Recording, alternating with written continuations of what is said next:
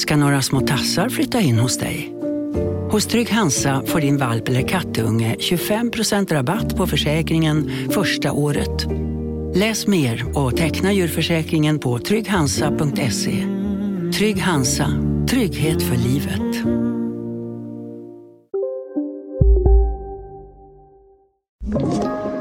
Podplay. Det är måndag morgon och Sanny Svensson är tillbaka i era lurar och vi har kommit fram till avsnitt nummer 59. Och då tänker vi på Simon Hjalmarsson i Frölunda. Han har inte varit riktigt lika bra i år som han var i fjol. Sen Pavel Rosa, jag spelade med honom i Timrå, då hade han inte 59, men det hade han i Rögle. Mantas Armalis, vilken comeback-säsong han gjort, riktigt stark i Djurgårdsmålet. Och sen Johanna Olofsson, sen kanske Karlstads mest efterlängtade kapten, Linus Johansson. Ja, Färjestad suktar efter hans ledarskap. Jag vet inte om Södertälje riktigt suktar efter Adam Hansen, men han var en väldigt viktig bricka då när de tog sig tillbaka från division 1, så han är alltid ihågkommen i Södertälje. Anton Mülleri eh, har också nummer 59 på tröjan. Vi har Sebastian Enterfelt, tidigare Sebastian Eriksson, Almtuna, Brynäs, Luleå bland annat. Vi har Leksands ikonen Gustav Jobs, eh, en av eh, de magiska 94-kullen där i Leksand. Och avslutningsvis eh, Modo guldhjälten Robert Dömer.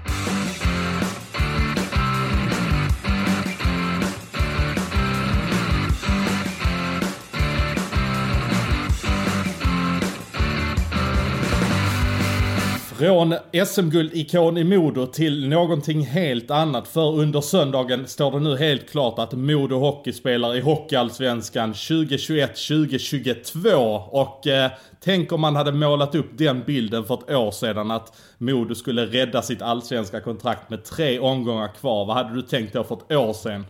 Vad, vad, vad har du druckit Svensson? Det hade jag tänkt då. Det, var ju, det kändes ju som Modo den här säsongen som ställdes in hade ju något jätte, jättebra på gång. Eh, eh, de var bra i, i fjol. Men det är klart, tappa mycket spelare. Björn Hellkvist som var någonstans i ryggraden, det har vi varit inne på jättemånga gånger. Sen har man någonstans försvarat sig med att det har varit sån rullians på spelare. Det finns ju andra klubbar, till exempel Västervik, som har klarat det. Eh, tappen av sina eh, spelare på ett bra sätt och ändå kunna bygga vidare med kontinuitet, framförallt på ledarsidan. Så att, eh, en fiaskosäsong för Modo utan dess like. De var, får vi se vilka som får kvala i SHL, men det är de största besvikelserna i svensk hockey så här långt. Det kan man lugnt säga. Och det man kan konstatera att det blev väl aldrig riktigt bra med den här eh, tränartillsättningen man gjorde. Man drog ut på det länge, man nobbade Jens Gustafsson, tog in Ville Nieminen som ett väldigt oprövat kort på svensk nivå så att säga. Och eh, det blev inte alls bra. Eh, det blev kaos direkt. Tog man in Per Styv som ändå gjorde det bästa av de tränarna som har varit. Men man ansåg sig inte nöjda med det resultatet heller. Och sen kom Magnus Sundqvist in. Och ja, nu är det tre omgångar kvar och man har löst det. Det vi kan vara överens om är att det Modo behöver göra nu är ett stort jäkla omtag rent ut sagt. Och en fråga direkt här från Oskar Sandberg. Vilka ser ni som tränare och sportchef? Eh, jag kan inte tänka mig att Glader ska vara eh, kvar i klubben tyvärr. Även Jonathan Wiström vill ha svar på detta. Har du någonting du kan bolla upp så här på uppstuds? Nej, eh, Adam skrev ju en artikel här med, med angående Modo, tränarrekrytering. Det var ju många namn tidigare. Johan Widerbro var väl ute och sa att det var en 30 namn där för runt, runt jul som, som fanns på någon, någon lista. Och det har väl skalats ner till en 5-6 stycken nu. Eh, det är, det är ju svårt med tränare, eh, speciellt med den här säsongen bakom sig när han har haft sånt eh, fiasko. Jag tycker ändå Magnus Sundqvist, eh, nu vann han två matcher på ett övertygande sätt mot Björklöven som vi lär få anledning att återkomma till här alldeles strax. Men sett över den korta tiden Magnus har varit där så känner jag inte att det är framtiden för, eh, för Modo. Det är, inte, det är inte Magnus som ska ta dem vidare framåt. Eh, de måste hitta ett nytt namn. Alltså, Alltså, Lasse Marklund lämnar Skellefteå, stod det klart eh, under den gångna veckan. Varför inte ta en sån? Erkänt duktig ledare på att utveckla spelare, har en tydlig struktur och spelidé. Men nej, han... Varför inte plocka en sån? Alltså, han är dedikerad hockey. Han lever, äter, sover hockey. Ja, väldigt spännande namn att ta en sån som är helt eh, oprövad på A-lagsnivå för han har jobbat med ungdomar hela sitt liv känns det som. Ja, det har han gjort och gjort det väldigt bra. Och jag, jag kommer, ett namn jag kommer återkomma många gånger till eh, när man kommer prata assisterande tränare, det är Mikael Aro som har varit i Skellefteås J20. Han var ju till exempel i Karlskrona, eh, det som spelare men, men, som ledare tillsammans med, med Ove Molin där och eh, Pelle Hånberg. Och jag, jag gillade det, den struktur han hade i spelet, eh, noggrannheten i defensiva situationer, jobba med backarna. Det är ett namn som jag tycker borde vara på, på radarn hos klubbarna, till exempel i SHL. Det är flera klubbar som söker en assisterande tränare, en backtränare. Det är ett namn, liksom en, en coming man på något sätt som har fått formas lite i Skellefteås organisation i några år. Men tillbaka till Modo då. Eh, Oskar Sandberg undrar ju fortfarande också om Fredrik Glader är rätt man. Och då ska vi måla upp lite fakta här. Fredrik Glader har ett år kvar på sitt avtal. Han har nu två säsonger som sportchef i klubben. Och man får väl ändå ge honom att det första året var, var bra, även om det inte var han som byggde den största delen av den truppen, utan det var ju faktiskt Micke Sundlöv. Och den här säsongen har det ju blivit ganska mycket som har blivit misslyckat, men det vi ändå kan konstatera är att det är Fredrik Glader som bygger den här truppen. Nu fick han ju in Alexander Ytterell redan innan deadline. Det är en spelare de ska gå med under ett par säsonger här nu. Eh, vi avslöjar också att eh, de eh, kommer att plocka in Marcus Modigs från Oskarshamn. Vimmerby-fostrade Marcus Modigs. Så, så det kan ju inte bli annat än succé. Det blir ju giv givetvis succé. Har man gått den skolan i Vimmerby, då har man en ljus hockeyframtid till mötes. Det vet, det vet vi sedan gammalt. Men trots allt, Fredrik Glad har ett år kvar på sitt avtal. Ska man göra förändring, tycker du? Jag tror att man måste strukturera. Det känns som det är väldigt många som har fingrarna i syltburken där. Det är ju liksom Videbro som, som är, eh, han är ordförande eller vd, vad är hans exakta titel där? Vd. VD, han är ju med och kladdar ganska mycket i sporten. Jag tror man måste strukturera upp en sportchefsroll till att det, att det är, man har ans, yttersta ansvar över sporten. Man måste vara tillsatt för att ha det. Det har inte Fredrik Glader. Därför tycker jag inte man kan lasta honom för det här misslyckandet helt och hållet heller, utan det är Modo som, som organisation, eftersom Fredrik i många fall inte har det sista ordet. Det har ju en sportrådsgrupp och Videbro, så att Visst att Glader, han skulle kunna lämna, men nästa person som kommer in ska nog inte skriva på det kontraktet som Fredrik Glader gjorde. Då måste man ha en tydlig område, att det här ansvarar jag, jag för. Ungefär som Mikael Sundlöv hade. Han, han hade aldrig köpt det på samma sätt som Glader gjorde. Det som gör att Modo sticker ut är ju faktiskt att de eh, låter styrelsen bestämma vem det är som tränar eh, klubben. Jag vet ju att Glader är väl lite involverad i alla fall. Han lämnar ifrån sig någon form av bruttolista, men nu är det styrelsen som ska sitta och bestämma vilken tränare det är som ska träna Modo, vilket är helt åt helvete om jag ska vara helt ärlig. Jag tycker väl någonstans att eh, det är styrelsen eller klubben ska väl bestämma en riktning, att den här typen av hockey vill vi spela och utifrån där får man ju rekrytera en tränare och då blir det ju sportchefens jobb och rekrytera en tränare. Eh, styrelsefolk, det är inte alla folk som sitter i styrelsen som har eh, jätte, jättebra koll på hockey. Det finns folk i styrelsen som har jättebra koll på ekonomin, marknadsföring, den typen av saker. Eh, men inte alltid i sporten. Då måste man tillsätta eh, experter på just de områdena och det är väl grund och botten därför man har en sportchef. Annars kan du väl be en scout eller en agent ringa. Du, plockar du fram tio tränarnamn till oss. Det, det, alltså, då behöver du inte sportchefen i det fallet. Nej, verkligen inte. Men en som har, ett lag som har en sportchef som det faktiskt har gått dåligt för den här säsongen. Det mycket, mycket sämre än vad vi förväntade oss. Det är ett lag som du var inne och tassade lite grann på här nu. Det är ju Björklöven och de har alltså 0-12 mot Bodo den här säsongen. Och det kan väl vara hänt, men Björklöven håller faktiskt på att förlora snudd på en topp 4-placering i den allsvenska tabellen. Så som de håller på just nu.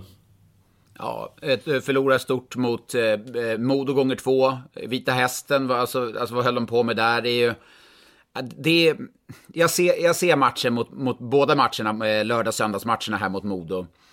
Och det, det, finns inte den viljan, det finns inte det drivet. Man, man kommer fel i position, man ser tröga ut. Olle Liss, det var ju nästan, nästan så här, jag satt med handen för ansiktet under, under jag tror det var mitten av andra perioden. Han var nertacklad och hade långt byte, försökte dribbla. Jag bara, nej men, nej, det var i tredje perioden. Jag kände, nej men, och ändå tar man ut målvakten, då är det Olle som ska spela, det är Olle som ska spela. Nu, det är inte eh, givetvis, han hade en svag match även om han gjorde mål. Men det finns liksom inget det känns som att rollerna är rätt satta eh, i, i, laget till viss del. Och jag tror att man måste in och spränga, bara röra om ordentligt där. För att gruppen harmonerar inte, det, den sitter inte ihop och det var väl det man kände i fjol, att det var liksom Björklöven, där kuggade alltid på och vid sidan av isen. Jag känner ju så här att jag tycker, jag, jag ser ju inte att en sån som Fredan Andersson har lika roligt på jobbet denna säsongen som han hade förra säsongen. Visst, det säger väl sig själv att det inte är lika roligt när man har 50 poäng mindre än vad man hade förra säsongen. Men jag känner ju att har verkligen Hans Wallson fått den här gruppen att dra åt samma håll allihopa? Alltså, där, det, det, är inte jag säker på. Jag får absolut inte den känslan och jag är inte säker på att Björklöven ska gå med Wallson nästa säsong. Det, det kan vara en av eh, Per Kentes få felrekryteringar. Jag, jag, får inte alls den vibben av att eh, uh, Wallson ska vara kvar. Jag skulle faktiskt kunna säga att Björklöven hade mått bra av att eh, gå skilda vägar med Wallson. Eh, redan nu eller till nästa säsong? Nej, till nästa säsong. Den här säsongen, vad ska de göra? Ska Kenti gå ner och ställa sig i båset själv? Nej, nu, eh, nej, eh, det får räcka till nästa säsong. Det är inte lönt att hålla på och skapa mer kaos. Men vänta nu, vadå, det är inte lönt att hålla, vad menar du? Alltså, om, om du ska då plocka bort honom till nästa säsong, då kan du väl plocka bort honom nu? Om du menar att du ska plocka bort, det är inte lönt, det är fortfarande ett slutspel vi pratar om. Det är fortfarande... Vissel, vi, alltså... viss, visserligen, men Kommer det ge någonting? Ja, ja, kanske. Men... Eh... Ja, men det, är klart, alltså det är klart att det... Om, om du leker med tanken att man då har, har den känslan att okej, okay, Hans Wallson, hans ledarskap funkar inte i, eh, i Björklöven. Det finns inget eh, tvivel på att han gjorde su supersuccé och var ett bra namn när de värvade han som eh, succé i Skellefteå. Men han har inte lyckats här, han har inte lyckats få fått ihop gruppen. Jag tror inte att den här Robert Lahti, han når inte heller ut till spelarna.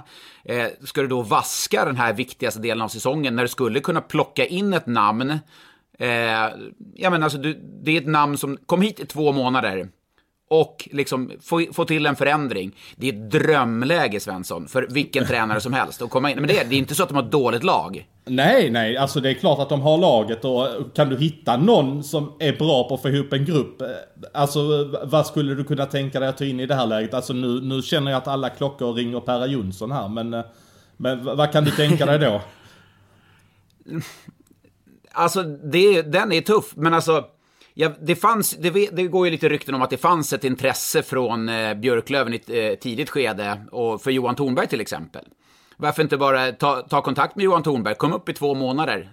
Ta det här, du kanske inte vill vara borta från familjen, men ta det här i två månader och ge det chansen. Så får vi se vad det leder. Om, om det är nu så att man, man redan funderar nu, som du, in, eller, som du spekulerar i, den här känslan att man ska göra efter säsongen, då ska man göra det här och nu. Det finns ju liksom inget, det kommer inte komma ett bättre läge i sommar. Det är nu man ska göra för att rädda upp ett slutspel. Du som sitter på ett tv-avtal, hur, eh, hur ser klausulerna ut för ett sånt om de nu skulle kontakta Johan Thornberg? Alltså, det vet jag inte exakt, men jag tror aldrig att man skulle vilja stoppa någon. Om det är en dröm eller någon vision någon har så tror jag inte, så tror jag inte att man, man stoppar, eh, stoppar en person, utan tv-sändningarna står inte och faller med Johan eller mig eller Wikegård för den delen. Så att det, det kommer fortfarande rulla på tv-sändningar. Men det är bara ett namn som jag, slängde upp egentligen från, från ingenstans. Men eftersom det tidigare kanske fanns ett litet intresse just för Thornberg från Björklövens sida. Så varför inte nu? Ge det två månader, kom hit. Det är ett drömläge. Hade jag varit intresserad av att vara coach, eller hade jag haft en ambition att vara tränare på hög nivå, så hade ju Björklöven varit liksom det hade varit nästan som öppet mål att komma in, för det bara, behövs göra små justeringar. Om nu spelarna Wallson och Lahti inte når ut till truppen och få till en förändring, bryta struktur, bryta mönster, göra om, flytta på kanske någon, någon av de här eh, transatlanterna som kanske inte riktigt levererar för att få igång fler andra spelare. Men eh, man kan också vända på det. Om en tränare kommer in nu och man har ambition av att kanske vara där över en längre tid. Om man så att säga misslyckas med att eh, ta den här gruppen framåt. Vad, vad är det då som säger att man ska vara kvar över längre tid efter det? Men det, alltså, om Hans Wallson nu skulle lämna här, det är ju ingenting som, alltså, det är ingenting som säger att han, han är inte körd som tränare, utan det, det funkar inte i Björklöven. Nej, men nu menar, hans... nu, menar jag, nu menar jag om man plockar in en ny tränare nu. Om den tränaren då skulle misslyckas med det här, hur ja. ser då framtiden, framtiden ut efter det för den tränaren i Björklöven till exempel? Ja, men det, det, är inte det, alltså det är inte så noga här och nu. Det är som Perra Jonsson, han har kommit in i Modo till exempel. Han har inte brytt sig om hur framtiden ser ut, utan han kommer dit för att rädda om du nu skulle komma in i tränarnamn, så gör, gör du det bra här så kan du fortsätta. Och så, om tränaren själv känner, äh, det passade inte mig, det, det, var, det var inte det jag brann för, då kan ju han gå vidare. Och den tränaren är ju inte bränd på marknaden för det. För att om Hans Wallson och Mr X misslyckas i Björklöven så är det väl större, då finns det andra problem än bara tränaren. Är du med vad jag menar? Ja, ja, men jag tänker ju om de plockar in till exempel nu Thornberg, vi målar nu upp honom som ett exempel. Och sen så lyckas inte han vända skutan den här säsongen. Hur kommer då Björklöven agera? Ska vi då fortsätta med Tornberg om han då har ambitioner att fortsätta i klubben till exempel? Men det, det gör, gör, man ju upp ganska tydligt till, till, den personen, till Mr X och säger eh, kom hit i två månader så får vi se vart det leder. Jag menar det, det är en, det är en dröm för, för ganska många tränare att få, få, få eh, träna Björklöven. Dels i det här läget skulle man kunna bli liksom hjälte och plocka upp klubben. För jag, jag, jag vidhåller fortfarande, det finns potential i den gruppen. Absolut. Det finns potential att gå upp, men man har inte visat det på väldigt, väldigt länge. Eh, så det är ju drömläge för en tränare att komma in. Eh, men då får man ju vara tydlig eh, vid, vid en eh, eventuell kontakt och säga det gäller de här två månaderna, sen utvärderar vi det. Vi kommer inte lova varandra någonting utan vi committar två månader här och nu och får se hur det går. Ja, man har ju bränt eh, första placeringen sedan länge. Eh, man har ju i stort sett bränt andra platsen typ till BIK Karlskoga. Eh, man håller på att bränna tredjeplatsen till Södertälje och man skulle verkligen kunna bränna fjärdeplatsen även till antingen Mora eller Västervik. Eh, Klarar Björklöven verkligen topp 4 nu? Nej, det, det, ser, det ser ju väldigt tufft ut. Eh, eh, Södertälje som är en poäng bakom har ju en match mindre spelad. Men kan vi inte stanna upp i Mora och Västervik? Hur, balla är, hur ballt är inte det? Att det är liksom i två lag som inte många trodde på inför säsongen. Västervik tappade i stort sett allt och lite till. Eh, och Mora byggde om eh, med en låg budget. Man var väldigt tydliga med att det finns inte ekonomi, vi vet inte ens om vi kommer klara den här säsongen. Och man landar in nu, här och nu, på en femte plats så är ju... Och spela jäkligt rolig hockey måste jag säga. Jäkligt rolig hockey. Jag vet inte om du hörde Peter Hermodsson när han gästade Adam och eh, Bromé i deras eh, podd. Nu kallar jag det Adam och Bromé för deras podd. Det känns som det är deras podd. Ja, han har äntligen fått en sidekick, eh, Adam och Bromé där. Det, ja, men jag, det är klart, jag, jag lyssnar flitigt på, på de poddarna. Och, och Hermansson har jag haft mycket åsikter på, men han har ju... Han pratar ju inte allt från Moras bästa, utan han pratar ju lite för, för svensk hockey och har någonstans stått på eh, i stormens öga i barrik på barrikaden där och, och talat för, för vad svensk hockey, vad han tycker är bäst för svensk hockey. Och det hedrar honom faktiskt, mycket. Ja, Ja, och där, eh, i podden var han ju inne på, alltså han var ju helt öppen med att Moras ambition den här säsongen är ju att sporten kommer i andra hand. Det är deras ekonomi som, eh, som allting handlade om när man gick in i säsongen. Man drog i bromsen jättetidigt. Och jag blev, jag blev faktiskt jätteglad när jag hörde hur glad Peter var att man hade löst den här situationen och att de eh, hade fått in 7 miljoner från privatpersoner i Mora. Att alla verkligen hade ställt upp på klubben. Att man hade lyckats med det. Samtidigt som man då är på helt rätt väg med det sportsliga. Ingen press alls. Johan Hedberg har fått jobba i lugn och ro. Man har knappt värvat någonting. Man tog väl in lite här på slutet. Man har fått en superutveckling i en sån som Ludvig Larsson man plockar från Nordamerika. Hedberg hade säkert skatat honom jätteväl. Alltså det känns som Mora verkligen är på väg åt rätt håll. Men Ludvig Larsson, det, det, är ju det, Moda är på väg åt rätt håll. Vi pratar om de här, de är liksom topp 4, topp 6, kommer kanske kunna gå till en semifinal.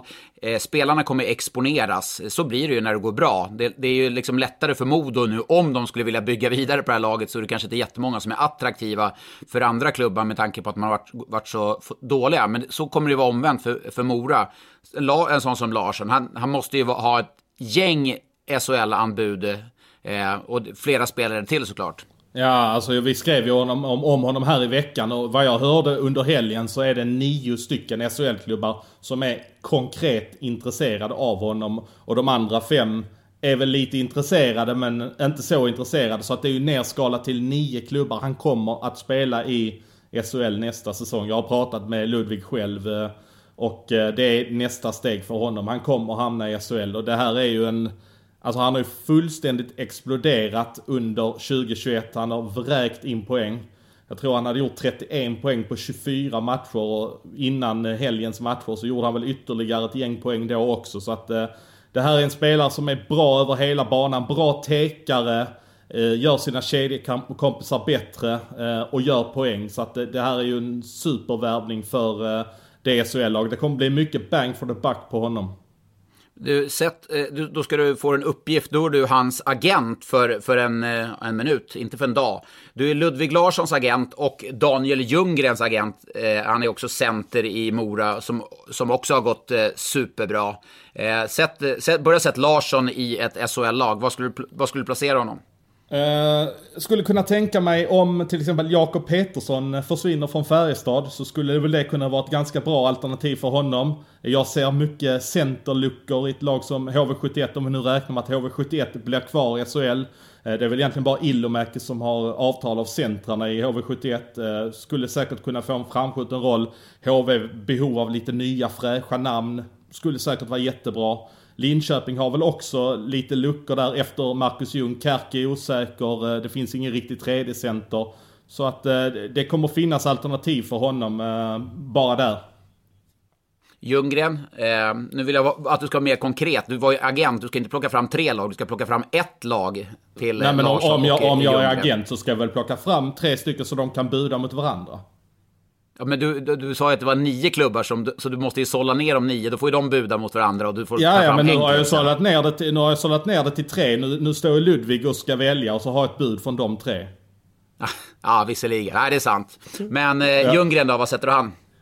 Oj, eh, Örebro har väl lite luckor eh, kvar bland sina yttrar. Eh, där finns väl lucka i både tredje och andra linan så här spontant. Eh, Eh, svårt, alltså han är en jäkla målskytt eh, så att, eh, men där finns väl luckor där och det finns väl luckor både här och var kan jag tycka men Örebro är väl ett lag spontant, Djurgården fyller väl upp med typ Filip Cederqvist och Linus Andersson i en tredje lina.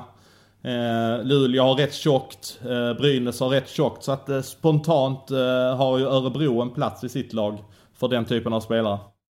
Men annars då i Hockeyallsvenskan, är det huggsexa på spelarna du som, som hör mer än vad jag gör och pratar med fler eh, just kring värvningar? Är det liksom, kommer det bli en slakt på de hockeyallsvenska spelarna nu när ekonomin kommer dras ner? Finns det andra namn som klubbarna drar i? Ja men det blir det ju. Alltså det, det, det som man är inne i egentligen i december, januari kanske pågår nu eftersom allting har blivit lite förskjutet. Eh, vi har ju skrivit om flera stycken här nu som lämnar allsvenskan. Hugo Gustafsson, Nicke Olesen, William Wallinder, um, ehm, Filip Cederqvist som jag nämnde. Där finns ju andra spelare också som, som kommer gå. Ludvig Larsson är en sån. Vi har Axel Bergqvist i BIK Karlskoga till exempel. Och BIK Karlskoga tycker jag vi ska stanna vid.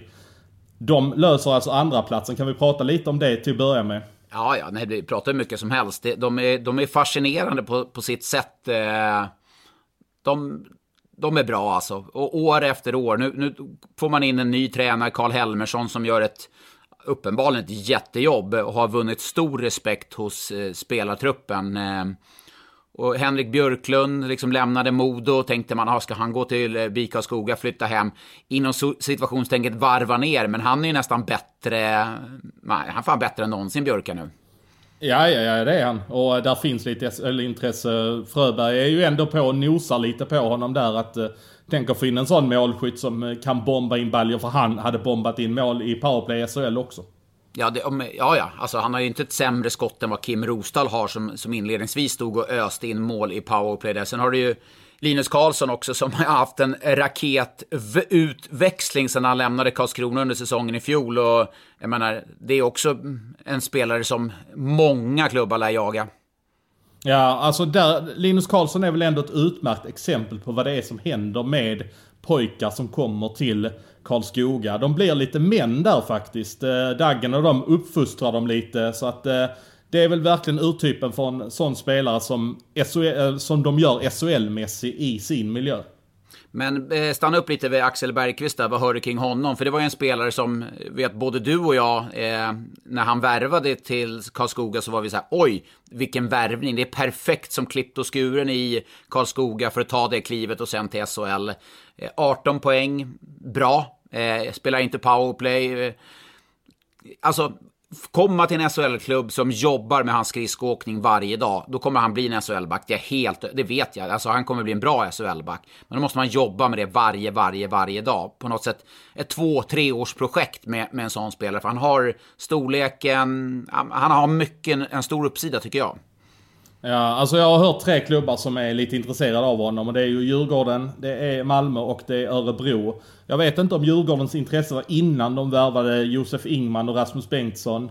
Eh, Malmö har ändå fyllt upp lite här med Helge Grans och Anton Olsson och lite av den yngre sorten där man kanske vill behålla Linus Kronholm här nu efter att han ändå har gjort det bra. Eh, så att jag skulle nästan säga att han är, eh, att det luktar ganska mycket Örebro om Axel Bergqvist där inte så lång flytt, inte för det spelar så stor roll. Men eh, Örebro har ju säkert haft möjlighet att se honom på nära håll väldigt mycket. Så att eh, det skulle kunna vara en möjlig flytt eftersom jag vet att de är intresserade. Där är det också rätt intressant om man stannar upp där. Eh, Örebro är ett av de lagen som måste rekrytera en ny tränare, i det här fallet en assisterande tränare, och det är ju en backtränare. Det är också ganska viktigt kan jag känna numera. När jag valde klubb, då, man, man pratade med headcoachen, alltså tränarna, jag skulle till Färjestad, Tommy Samuelsson. Det var liksom inte... Det var inte så noga vem som var backtränare i mitt fall. Så det, det, är ju, det är det ju numera. Det är den ändå backtränaren som ska jobba med dig dagligen för att du ska ta det här steget. Så där vill man ju nästan, innan man väljer klubb så vill man ju någonstans veta vem, vem är tränare? Vem ska träna Djurgården till exempel om man nu var lite på eh, glid till Djurgården? Vem ska vara assisterande tränare i det här fallet i Örebro? Det vill man ju veta som spelare numera, ganska ty mer tydligt än på min tid. Ja, verkligen. Frågan är, då ska de ju ha någonting att presentera också. Det är, det är väl mer det. För Djurgårdens del så tror inte jag att man är framme i den processen. Uh, för oh, att, Ja, den, den, det, är en hunk, det är en hunka till Barncancerfonden. Det är välkomnat. Det välkomnas alltid. Ja, jag, jag, jag tar den. Jag tar den. Jag, jag tycker vi, vi får samla upp, vi får smälla in varsin 500 eller 1000 här när säsongen är slut och bara samla på oss våra botar här ja, under säsongen. Vi kanske ska göra det så vi får inte munkavel. För ibland vill man ju säga, man vill, men man halkar upp på det ordet där. Så att det, det, man, får, man får väl göra det så får vi bara liksom casha in efter, efter poddsäsongen istället. Ja exakt. Men du, eh, vi tar en fråga från Ludde Gurka här eh, som han har skickat in för fjärde veckan i rad. Och nu måste vi ta den för att nu, nu skrev han verkligen det här är fjärde veckan i rad så att nu får vi inte glömma honom. Vilket lag kommer stå sig starkast i Hockeyallsvenskan nästa år? Alltså förutsättningarna ekonomiskt eh, och så vidare. Jag skulle vilja... Eh, eh, nu, nu, kommer jag liksom inte ta dem, den klubben som eventuellt ramlar ut, utan nu fokuserar jag på de hockeyallsvenska klubbarna. Om Timrå inte går upp så kommer de stå sig starka nästa år. De kommer tappa spelare, men ändå en attraktivt ställe att spela på. Det är klart man kan tappa Fredan Andersson som tränare.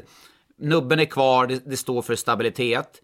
Sen skulle jag vilja säga att Björklöven, om de inte går upp, visst det är lite rörigt. Du nämnde här att Hans Wallson skulle lämna i sommar, hit och dit, vilka spelare ska plocka. Men det är ändå, de har ändå en stor fanbase. Det, det är ett lag som, som berör när, om eller när publiken väl kommer tillbaka så kommer de vallfärda dit. Det är ett spel, ställe jag tror man vill spela på. Umeå är ett härlig stad. Sen vill jag också lyfta fram Mora i det fallet. Även om man kommer tappa spelare så känns det som att Mora spelarna kommer titta, oj, fan Mora gör något jävligt bra. Där, det verkar intressant, där, där utvecklas man. Och det är det som man måste bygga, det ger ringar på vattnet. Visst, man kommer tappa spelare, men man kommer å andra sidan kunna rekrytera spelare som vill spela för Johan Hedberg i, i Mora. Så att de tre klubbarna tror jag, tror jag på. Du då?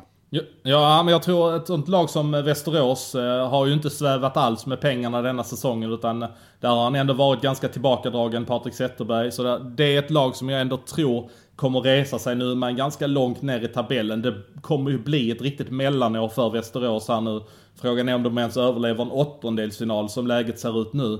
Eh, sen Karlskoga, jag menar, de kommer ju också ställa ett bra lag på benen. Så att jag tror ändå det är ganska många klubbar. Alltså, det såg rätt alarmerande ut i höstas, men jag tror ändå att AIK bygger ju också ganska bra här med goda framtidsutsikter med att man värvat Kristoffer Malm som sportchef, Anton Blomqvist som tränare och eh, jag menar där finns väl alltid starka personer som kan putta in pengar i en sån klubb som AIK. Speciellt när man har liksom gjort en omstart och gjort ett omtag och har lite fräsch satsning. Ja, och man måste ju också, man får ju i det här fallet inte glömma Södertälje heller. Eh, det, finns ju, det finns ju så väldigt många starka, jag vet att fans inte gillar när man säger varumärke, men man får ändå säga det om klubbar. Men Södertälje med det Micke Samuelsson, det är tydligheten han har i, i sitt lagbygge, ledarskap, så känner jag också att det är Södertälje ett lag som, som, som kommer kunna bli hållbara. Om man inte tar klivet upp i år så kommer man kunna satsa även nästa år för att, för att ta det steget. Jag tror närmast att det som har hänt har ju varit bra för många klubbar, sett ur den aspekten att man har hela tiden behövt tänka på, har vi råd att göra det här? Har vi, alltså man har hela tiden fått väga in det ekonomiska för varje klubb. Så därför har man liksom, man har hållit tillbaka allting för att prioritera ekonomin och därför tror jag att de stora klubbarna, det kommer inte bli något sånt att vi måste gå in i en rekonstruktion av de allsvenska klubbarna utan man har... Har du också valt att bli egen? Då är det viktigt att skaffa en bra företagsförsäkring. Hos oss är alla småföretag stora och inga frågor för små. Swedeas företagsförsäkring är anpassad för mindre företag och täcker även sånt som din hemförsäkring inte täcker. Gå in på swedea.se företag och jämför själv.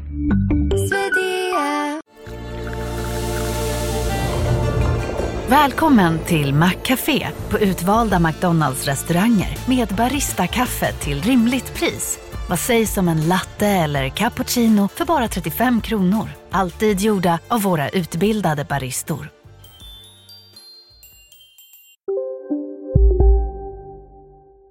har hållit det väldigt balanserat. Man har kört med sina kampanjer, man har hållit nere sina kostnader. Så att jag tror inte alls på att det, det blir något lag som liksom kommer sticka ut i negativ bemärkelse. Utan jag tror att många klubbar kommer vara ganska starka nästa säsong av de här lagen. Eh, innan vi rundar av med eh, Hockeyallsvenskan så vill jag ha en Dalen-uppdatering. Blir det något poängrekord eller inte? Hur står han sig, Svensson? 71 poäng, tre matcher kvar att spela. Han behöver upp i 80 poäng. Jag tror inte han löser det. Eh, även om vi såg honom förra säsongen när han gjorde typ 6-7 poäng mot Almtuna borta i någon omgång där i slutet av serien så tror jag inte det kommer hända i år. Det man däremot kan notera är att Dalen har ju ett snitt på 1,61 och när Jonathan Jonsson satte sina 79 poäng på 52 matcher förra säsongen så hade han 1,52. Vilket då gör att det som har saboterat allting för Dahlén denna säsongen är när han blev kallad till den högklassiga turneringen Karjala Cup i november. Men det kommer inte stå i historieböckerna, det är poängrekorden som står. Det kommer inte stå något poängsnitt där. Så att, tre matcher alltså. Han ska möta Modo, Västervik och AIK då, Jonathan Dahlén och hans Timrå. Jag har svårt att se att han ska klämma in nio poäng där. Det hade varit klart, det hade varit jävligt roligt om han gjorde det. För att när man väl summerar eh, Jonathan Jonsson och Jonathan Dahléns karriärer så tror jag man kommer ha Dahlén som den bättre av de två. Även, även om Jonathan Jonsson tycker jag har gjort, gjort jättebra i Skellefteå. Så någonstans det namnet klingar tyngre i en allsvensk historiebok. Men eh, det blir tufft för han så eh, jag ska inte ta ut det för tidigt. Men fortsatt stort grattis då Jonathan Jonsson till eh, rekordnoteringen. För en vecka sedan när vi poddade så sa du Wow vilken jäkla bomb ni levererade när ni sa att Robert Olsson var högaktuell för en flytt till Skellefteå. Och under lördagen så gick Djurgården ut med att Robert Olsson lämnar Djurgården. Och eh, då eh, kan vi omedelbart lägga ihop pusslet att han är klar för Skellefteå. Vad säger du om den flytten?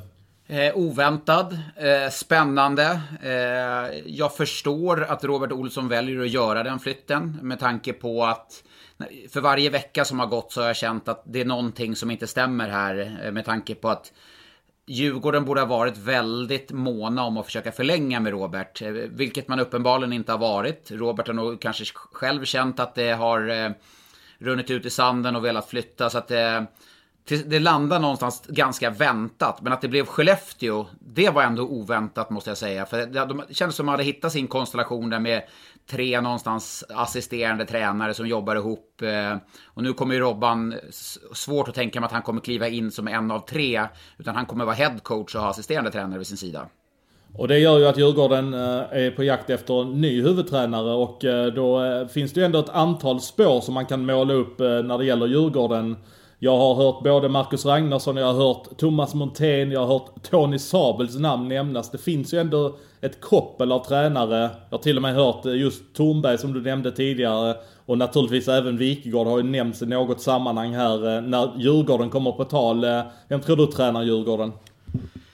Eh, den, den, är svår, men jag skulle nog vilja också lägga in Daniel Eriksson i leken där, eh, Linköpingstränaren. Eh, det är brorsa till eh, Joakim Eriksson. Han spelar ett högt spel om man tar en så pass orutinerad tränare. Men samtidigt skulle inte förvåna mig om det är ett namn man eh, som man eh, håller koll på, det beror onödigt att säga, när det är ens brorsa som ska rekrytera i så fall. Men eh, det är ett namn som jag tror kommer vara i den hatten, men eh, Sabel han har ju varit i Djurgården tidigare. Det är ändå ett namn som skulle kunna klinga rätt intressant. Ska inte underskatta att han ändå har gjort ett bra jobb i... Jätte, eller, jättebra i, i jobb i Vita Hästen. Ja, jättebra och, jobb har han gjort uh, där. Jag menar, det har hänt, det har ju runnit en del vatten under broarna sedan han var i Djurgården senast. Eh, och har, han har ju skaffat på sig rutin. Jag är ändå inne på att är man tränare i Djurgården, det är, även om de inte har kanske ambitioner att vara ett topplag, det är ändå en, det är ändå en tuff, det är ett tuffare klimat i Stockholm att vara tränare, eh, skulle jag vilja säga i mångt och mycket. Det är ett hårdare klimat. Du kan, du, kan, du kan inte plocka in vem som helst som inte har varit på en rätt hög nivå tidigare eller har varit med. Som därför blir sån som Thomas Pannanen, där, där, det namnet plockar jag bort direkt till exempel av den anledningen. Och i grund och botten skulle jag göra samma med Daniel Eriksson. Men nu finns det ju relationen Joakim, brorsa till Daniel, som gör att jag ändå tror att den lösningen skulle kunna finnas där. Men där, där skulle ju Sabel funka alldeles utmärkt. Han är ju liksom från Stockholm, han har varit i klubben tidigare. Han har ett stort Djurgårdshjärta. Eh, han, han, låt, han tar väl ingen skit på något sätt. Så att det, det skulle vara ett utmärkt val för Djurgården att få in honom då. Definitivt. Eh, och när jag först då började känna lite det här på Tony Sabel så nej, men Tony Sabel, känns det, känns det så, så sexigt om man säger så? Men Samtidigt, han har gjort ett bra, han har gjort det jäkligt bra i Vita Hästen. Och det pratar man Vita Hästen, det är ju inte de stora rubrikernas lag. De, de är liksom, jobbar ju ganska små medel och lite i skymundan, men gjort det bra med många spelare där och ändå... Så det känns ju som ett, kanske det hetaste spåret här och nu. Ja, verkligen. Jag, jag tror att det är ett namn som är långt fram. Lätt ett av topp tre namnen, så känns det. Men du, får jag bara, får jag, jag har suttit på min kammare och eh, skissat på HVs tränarlösning där. Får jag, får jag presentera den? Ja, det lät ju väldigt spännande. I vilken, I vilken division har du då kalkylerat? Det är SHL då utgår jag ifrån? Mm, ja, men både SHL och Hockeyallsvenskan. Utan eh, här måste man ju rekrytera en tränare som... Det går ju inte det går inte att rekrytera en tränare med, med en klausul att spelar vi i SHL så gäller det här. Det är ju som Oskarshamn och Thomas Fröberg gjorde i fjol med Martin Filander, att det var ett kontrakt som gällde oavsett division. Och det måste ju HV också såklart eh, rekrytera. Men Tommy Samuelsson eh, är ju ett namn som inger respekt och trygghet. Han har ju eh, sagt upp sitt optionsår i eh, Zürich. Han tar eh, HV71. Jag vet att det fanns ett intresse från HV71 sida. Jag tror att det var 2011 för Tommy eh, när jag, när jag spelade Färjestad. Han gick till Wien då. Eh, sen har det klart, eh, andra personer sitter ju i bestämmande funktion i HV. Men han är trygghet. Och Stefan Klockare vid sin sida. Klockare har många år i Skellefteå. Det är inte säkert att han blir kvar där. Det är långt ifrån säkert. Tommy och Klockare jobbade tillsammans på ett bra sätt i Skellefteå på ett väldigt, väldigt bra sätt. Så att eh, det känns som en... Känns, men eh, går det igång eller? Känner, känner du som jag att det skulle kunna vara bra?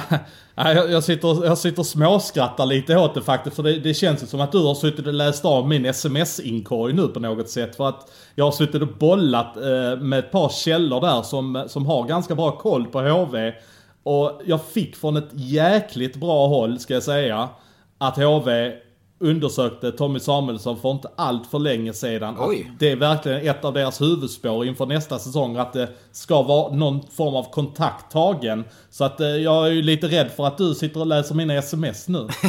Nej, så illa, så nära eh, har vi inte blivit under de här eh, poddåren. Men eh, det var därför det såg så lurigt ut. Du satt och skrattade. Jag tänkte att vilken idé att, att, att du gick igång på min idé när du satt där och skrattade. Så, så det finns då en, eh, enligt ryktet då, eller enligt källor så skulle det kunna finnas en, en chans att så blir fallet. Ja, alltså jag hör att det är ganska god chans att, eh, som sagt, att han är ett av deras absolut hetaste spår. Att man, eh, att man vill ha en ganska lugn och trygg och eh, erfaren person som, eh, som liksom kan ta ett nytt omtag om HV71 som inte stressar upp sig utan som får göra sitt och som fortfarande ändå har drivet. Jag menar Tommy är 61 år men man får ge honom att han har ett jävligt driv för hockeyn. Ja. Så är det ju. Eh, och då kanske folk tycker så här, men är det rätt steg eller alltså är det, är det nästa steg för HV71? Alltså, det är ett steg för HV71. Det finns ingen nästa steg i rätt steg. Det är ett steg och de behöver ta steg i rätt riktning. Och få Tommy i två år och sätta då en men en, en kravställande miljö på, på tydligare sätt. Jag tror, jag tror Lillis också har kommit in nu när han kom in med en kravställande. Men det är svårt att komma in under, mitt under en säsong med en, en kravställande miljö. Eh, skruva upp träningarna. Laget ligger skrynkligt till. Eh, Tommy har den fina förmågan. Jag var ingen ögontjänare så när jag tränade. Men när han gick in i gymmet då tränade man lite hårdare. När han stod på isen, man tränade lite hårdare. Det var inte att han sa någonting speciellt eller gjorde någonting, men han hade den påverkan på mig och jag vet många andra när, när han hade oss att fan, vi ska visa honom nå någonstans. Eh, jag, jag uppskattade Tommy jättemycket, dels för hans ärlighet, eh, han är väldigt rak och ärlig i sin kommunikation och framförallt för hans driv och kunnande kring hockey. Han har ju anammat också det nya, lite det här underliggande statistik och sådana saker. Så det är liksom ingen trött, mosig grå gubbe som inte anpassar sig till den nya typen av hockey som ändå eh, spelas på och till viss del vid sidan av isen. Däremot hade jag inte alls hört att klockare då skulle vara ett spår som du då lanserar som din idé. Men det kanske kan vara dags för en sån som klockare att klippa banden med Skellefteå. I alla fall för den här gången.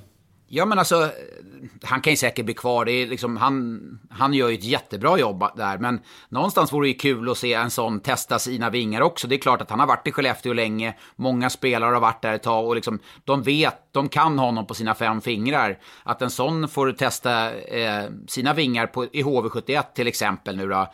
Just med Tommy Samuelsson som är väldigt duktig på att lyfta fram eh, ledarna omkring sig också. Eh, ingen sån här one man show-tränare på det sättet. Ja, nu har vi pratat lite tränare, men jag tycker vi ska prata lite grann av de fåtalet matcher i SHL som faktiskt spelades under den gångna veckan. Brynäs är ju tillbaka i spel och det var ju jätteskönt att se det. Jag blev lite glad av Peter Andersson när jag eh, såg intervjun med honom i Örebro att det fanns inte en tanke på honom om att laga på spelschemat längre utan han sa äh, vi har ett bra spelschema, nu tar vi det för, eh, liksom för vad det är och eh, anpassa oss till det. Vi har 16 friska forwards, alla backar är friska också så att eh, nu kör vi. Men Resultatmässigt, Brynäs en poäng av sex möjliga i återstarten. Inte det vad man hoppades på va? Nej, det är för dåligt såklart. Samtidigt tycker jag man ska veta att Örebro där, eh, om vi stannar upp, börjar med lite, stanna upp för Örebro där. Det är ju en outsider. Jag skulle vilja säga att de är, jag lägger in dem i topp 4-skålen nu. Det är, eh, om jag skulle ranka semifinallag här och nu så är det självklart Rögle, Eh, Växjö och Skellefteå. Sen, sen, slänger jag in Örebro där. Tycker att det är ett lag som... De imponerar. Bra kompakt försvarsspel, sylvassa vändningar. Det är inget sånt här stjärngäng med, med massa såna här eh, eh spets, Selari, Camper, Rivik-kedja eller Lindström, Berggren. Utan det är ett gediget bra kollektiv med spets. Leino tycker jag är bra i år till exempel. Kovacs, Abols. Det, fin det finns såklart några stycken, en bra backsida. Men det är ett lag som man måste lägga in där. Så att börja då i Brynäs fall mot Örebro borta, det är klart det är tufft. Men ändå jäkligt starkt där man kommer tillbaka och, och tar en poäng i den matchen. Det, det är fruktansvärt starkt skulle jag vilja säga. Ja, verkligen. De eh, hämtar ikapp 2-0 till eh, 2-2 där i tredje perioden ska tilläggas. Och eh, ja, det, var, det kändes som att det där var ändå en moralboost som Brynäs behövde. Sen kommer de ut mot Leksand och försvarsspelet Oj, är ju snudd, snudd på obefintligt, uh, det jag såg av den matchen. Ja, nej, det, det är jättesvagt. Och det, nu faller man någonstans tillbaka där man var. Jag tycker man har eh, strukturerat upp och stabiliserat försvarsspelet, men nu känns det som att det är 25, 20, 25 matcher bakåt eh, i tiden. Ersson såg... det var en del som inte, absolut inte var otagbara av målen. Jag tycker försvarssspelet, man kommer ur position, man jagar spelare, man släpper släpper som är Müller där, eh, eh, den eh, schweiziska backen, gör sitt första mål. Man, man tappar honom helt i position, man åker och jagar. Nej, det, nej, det är dåligt. Och sen tycker jag också att powerplay, det, jag förstår inte att man inte spelar Chad Billings. Man har ändå värvat in Chad Billings. Vad, vad är Chad Billings för dig i, i hockeymässigt? Ja, men Chad Billings för mig är ju en spelskicklig back som gör mycket poäng. Han visar i Linköping, han var ju lätt en av SHLs bästa offensiva backar. Han ska stå där uppe i powerplay. För mig är det Chad Billings. Och Simon Bertilsson för dig är? Ja, inte där han står nu i alla fall. Det är en jätte, jätteduktig back i egna zon. Spelar rejält för stopp i spelet. Eh, bra i boxplay. Det är Simon Bertilsson för mig. Mm. Nu står ju han i första uppställningen i powerplay, eh, där man då har Harper och eh, Rödin tycker jag på fel sida initialt också. Där, där måste man byta sida snabbt på dem.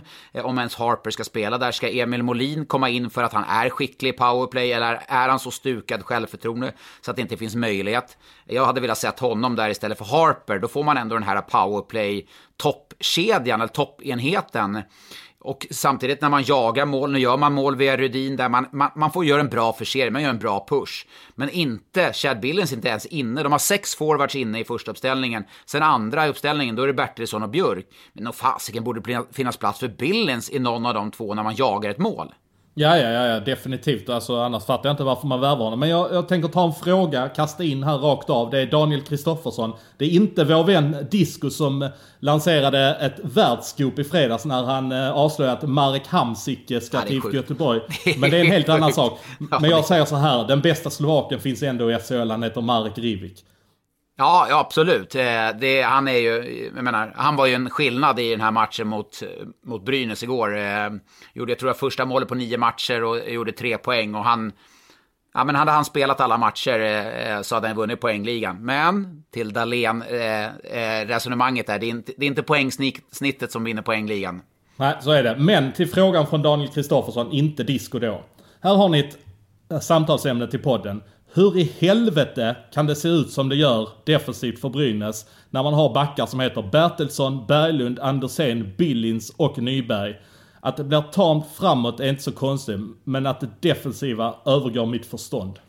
Ja, det gör det mitt också. Eh, och tycker ändå att Peter Andersson, var det någonstans han verkligen var bra i sitt ledarskap med Malmö, så var det tydligheten i defensiven. Jag vet att Martin Filander var där och hade en viktig nyckelroll i just den typen, men ändå, det landar ändå på huvudtränaren. Eh, och jag är förvånad att inte man har klarat av att, och liksom strukturera upp det.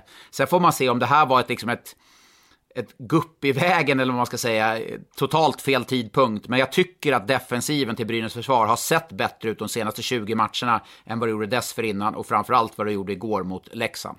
Nu är man i alla fall i ett läge. Jag tyckte Simon Bertilsson sa det ganska bra efter matchen där i Simon till Lena Sundqvist att det handlar inte om prestation, det handlar bara om att ta poäng. Och därför var han så fruktansvärt lack efter matchen att man inte lyckades ta poäng. Man gör alltså fem mål på hemmaplan. Man ska ändå klara av att ta en poäng då, eller två eller tre till och med. Eh, det som händer nu i Brynäs är att man har fyra poäng till Linköping. Och man har ju visserligen några matcher i handen, men lagen ska mötas på tisdag. Och skulle då Linköping faktiskt vinna den matchen så är det sju poäng. Och jag menar, visst man kan prata om matcher i handen, men sju poäng kommer ändå vara sju poäng. Nu, nu är jag långt före händelserna, i händelse av att Linköping skulle vinna den matchen.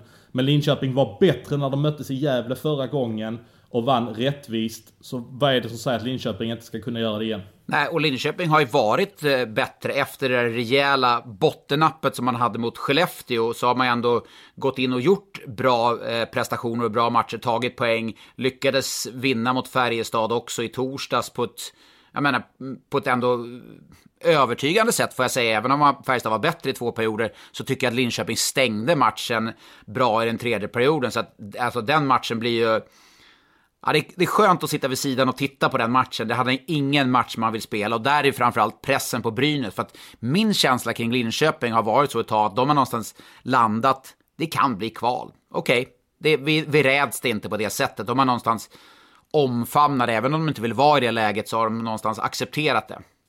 Du ska till Gävle på tisdag och göra matchen. Det kan vara en av eh, säsongens höjdare så här långt va?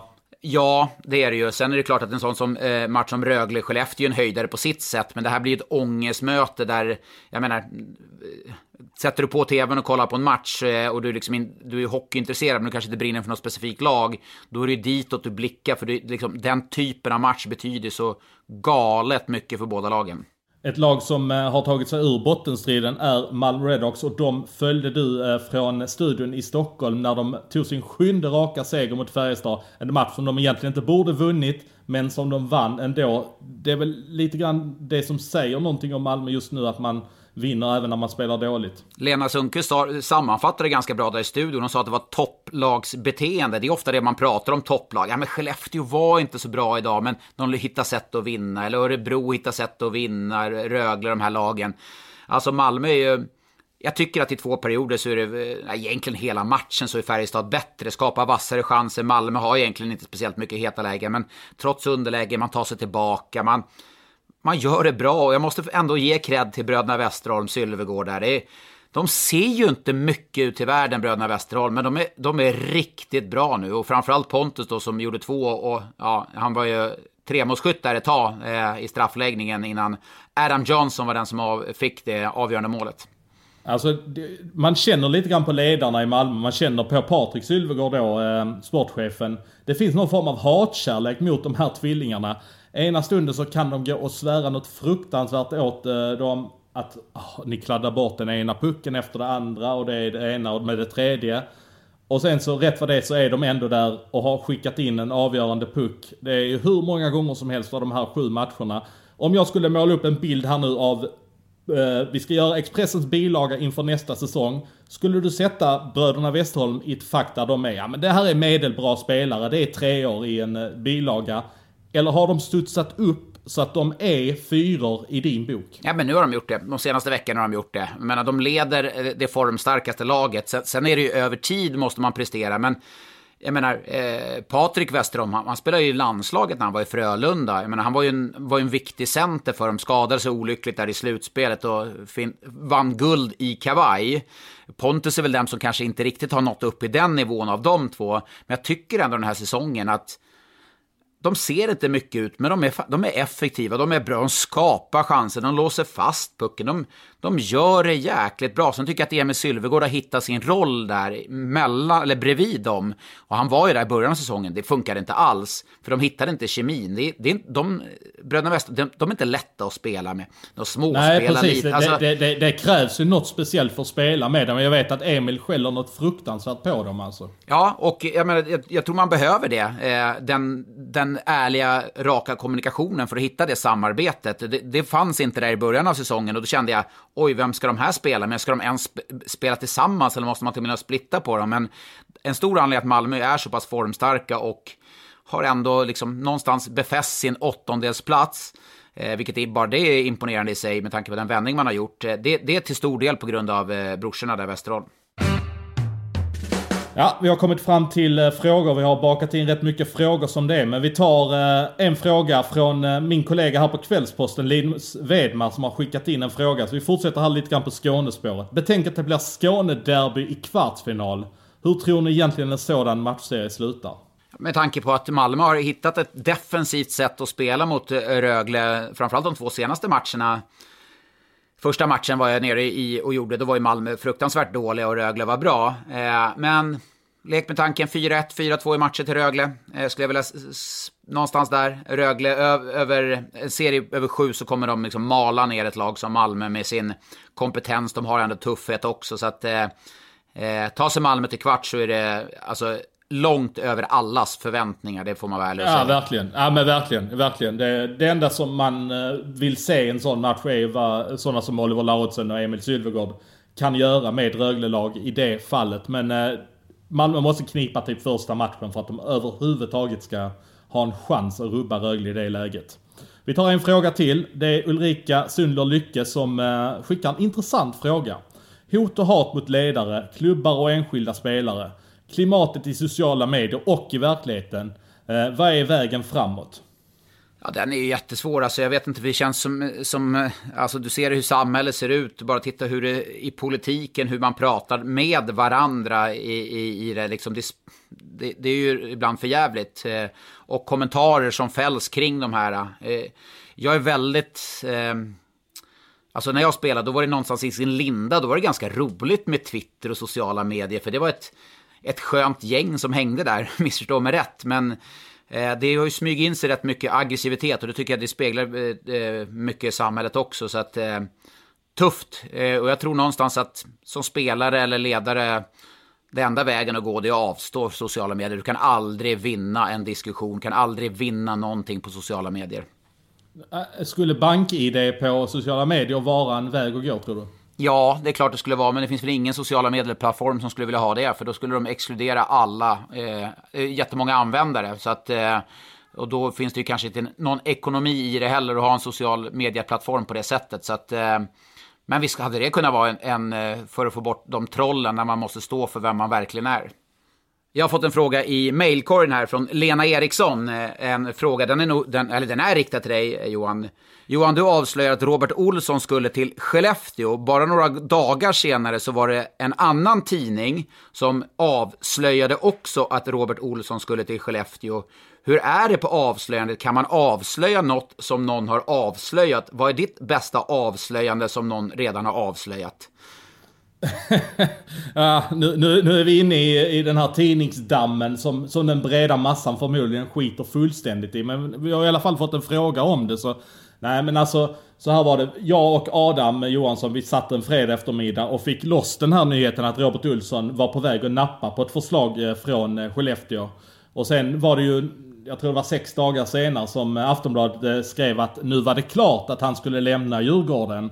Så att har man någon detalj ytterligare så kan det väl vara okej okay att göra det tycker jag i alla fall. Eh, det är klart att man ändå reagerar när det sen kommer bekräftelse att nu är avslöjandet bekräftat och, eh, och så här. Men för den breda massan så skiter de väl fullständigt i vem som var först. Utan det är ju vi som får plaska i dammen själva vad gäller det egentligen. Så att, eh, har du avslöjat, som Lena frågade, har du, har du avslöjat någon som man, någon har avslöjat? Det, är väl, det går ju så snabbt numera. Det, någon skriver på Twitter och så, för jag menar, om Aftonbladet i det här fallet, de satt väl också kanske med nyheten om, eh, om Robert Olsson, samma sak som du sitter med nyheter ibland, som du blir slagna med, med någon minut tänker jag. Ja, Mirko Müller bland annat när han gick till eh, Leksand. Det var ju ett sånt eh, tillfälle. Vi gör det hela tiden. När eh, Matt Donovan gick till HV så eh, var det jag som hann före. Alltså jag menar vi... Som jag var inne på, vi plaskar någonstans ändå i samma damm. Och är det inte vår egen damm så är det ju i hockeydammen vi plaskar i. Så att eh, det är inte ovanligt att vi sitter på samma uppgifter. Ja Johan, då är det dags för tävling. Vad vill du ha? Du vill ha årtal, spelare eller klubb? Oj, eh, är det från din egen bank jag ska få välja nu Exakt, alltså? nu, nu växlar vi upp lite. Eller växlar ner förmodligen. Det har varit bra frågor och den förra veckan där med, med Arlanda Wings. Alltså jag, jag ser mig fortfarande hakan bara falla ner till golvet. Men ja, det var en bra fråga. Från, eh, jättebra fråga. Ja, men ska vi fortsätta på spelarspåret då? Det gör vi. På fem poäng. Back född 1997 som varit med och förlorat en finalmatch 7. Uff. Ja, det är ju... Det känns ju brett. Vad är man då? Då är man 23, 24. Uh, och finalmatch 7. Då, ja. Då är det alltså en finalmatch typ 2016 till 2019 någonstans där vi pratar. Nej, vi uh, vågar inte. På fyra poäng. Var det nära ögat att du tog den på fem? Eh, nej det var det inte men jag, eh, jag har en idé nu när du eh, drog den fjärde, fjärde där då. Eh, vill du ge ett svar? Eh, ja. Vi har fått ett svar på tre poäng. Denna spelare har nyligen gjort en glädjande comeback efter en lång tids skadefrånvaro. Känner du trygg? Ja, men nu känner jag mig jättetrygg faktiskt. På två poäng. Namnet till trots är han inte släkt med Brynäs målvakt. Ja, men det känns jättebra nu. På en poäng. Denna Marcus gjorde den gångna veckan sin första match efter den otäcka ögonskadan han fick för drygt ett år sedan. Vem är det vi sökte efter? Ja, det är Marcus Ersson som har gjort comeback i Västervik. Det är ju fantastiskt att se att han har kommit tillbaka på så hög nivå med den ögonskadan. Ja, helt underbart. All kärlek till, till Marcus som har eh, tagit sig tillbaka och eh, kämpat, slitit. Måste varit brutalt tuff och få den typen av skada så tidigt i karriären. Eller oavsett när det är i karriären såklart. Men eh, vill du på fem poäng där då? Då är han ju född 97 och han förlorade en match 7. Eh, mycket olyckligt där för Brynäs del mot HV71. Och när jag drog den på 400, eh, det kanske var lite enkelt, det var nära ögat. Eh, det var ju smällen han fick i ögat, våldsamt otäck. Så att, eh, kul att han är tillbaka i Västervik och önskar en lång fortsatt karriär och eh, ja, vi får väl massa kärlek från oss va Svensson? Ja, och på tal om lång karriär så skulle jag faktiskt vilja avsluta podden med att skicka en hälsning till en linjedomare som har gått på linjen i alla år här nere. I alla fall, under, känns som hela 2000-talet har han gått på linjen. Vi pratar om 75 Roland Gilla. Har, du, har, har han dömt dig någon gång? Ja, det har han nog gjort. Men jag kan inte komma ihåg någon sån specifik eh, situation. Men definitivt har eh, han dömt. Eh, ska han lägga pipan på hyllan eller? Ja men precis, det är dags nu. Han kommer faktiskt att döma sin sista match på fredag i Hockeyallsvenskan denna veckan. Jag fick absolut inte avslöja vilken arena han kommer döma på men han kommer gå sista matchen här på linjen på fredag kväll. Så att eh, all kärlek till Roland Gille. Jag vet hur jäkla mycket han älskar sporten. Han har ju gjort det i stort sett bara för att han älskar hockey och jag har haft mina duster med Rolle och gnällt på något jäkla offside-beslut och liknande. Och, släpp pucken! Ja. Släpp pucken! ja, ja. Nej, det är eh, all kärlek till Rolle för jag vet hur mycket han älskar hockeyn och det finns lite anledningar till att han eh, måste sluta som domare. Så att eh, all kärlek till Rolle. Så vill jag höra domare på den, din bredaste av stockholmska. Domare? Vi avslutar så. Eh, grattis till en fin karriär, Rolle. Välkommen tillbaka, Marcus Ersson. Och vi hörs igen om en vecka. Hej då!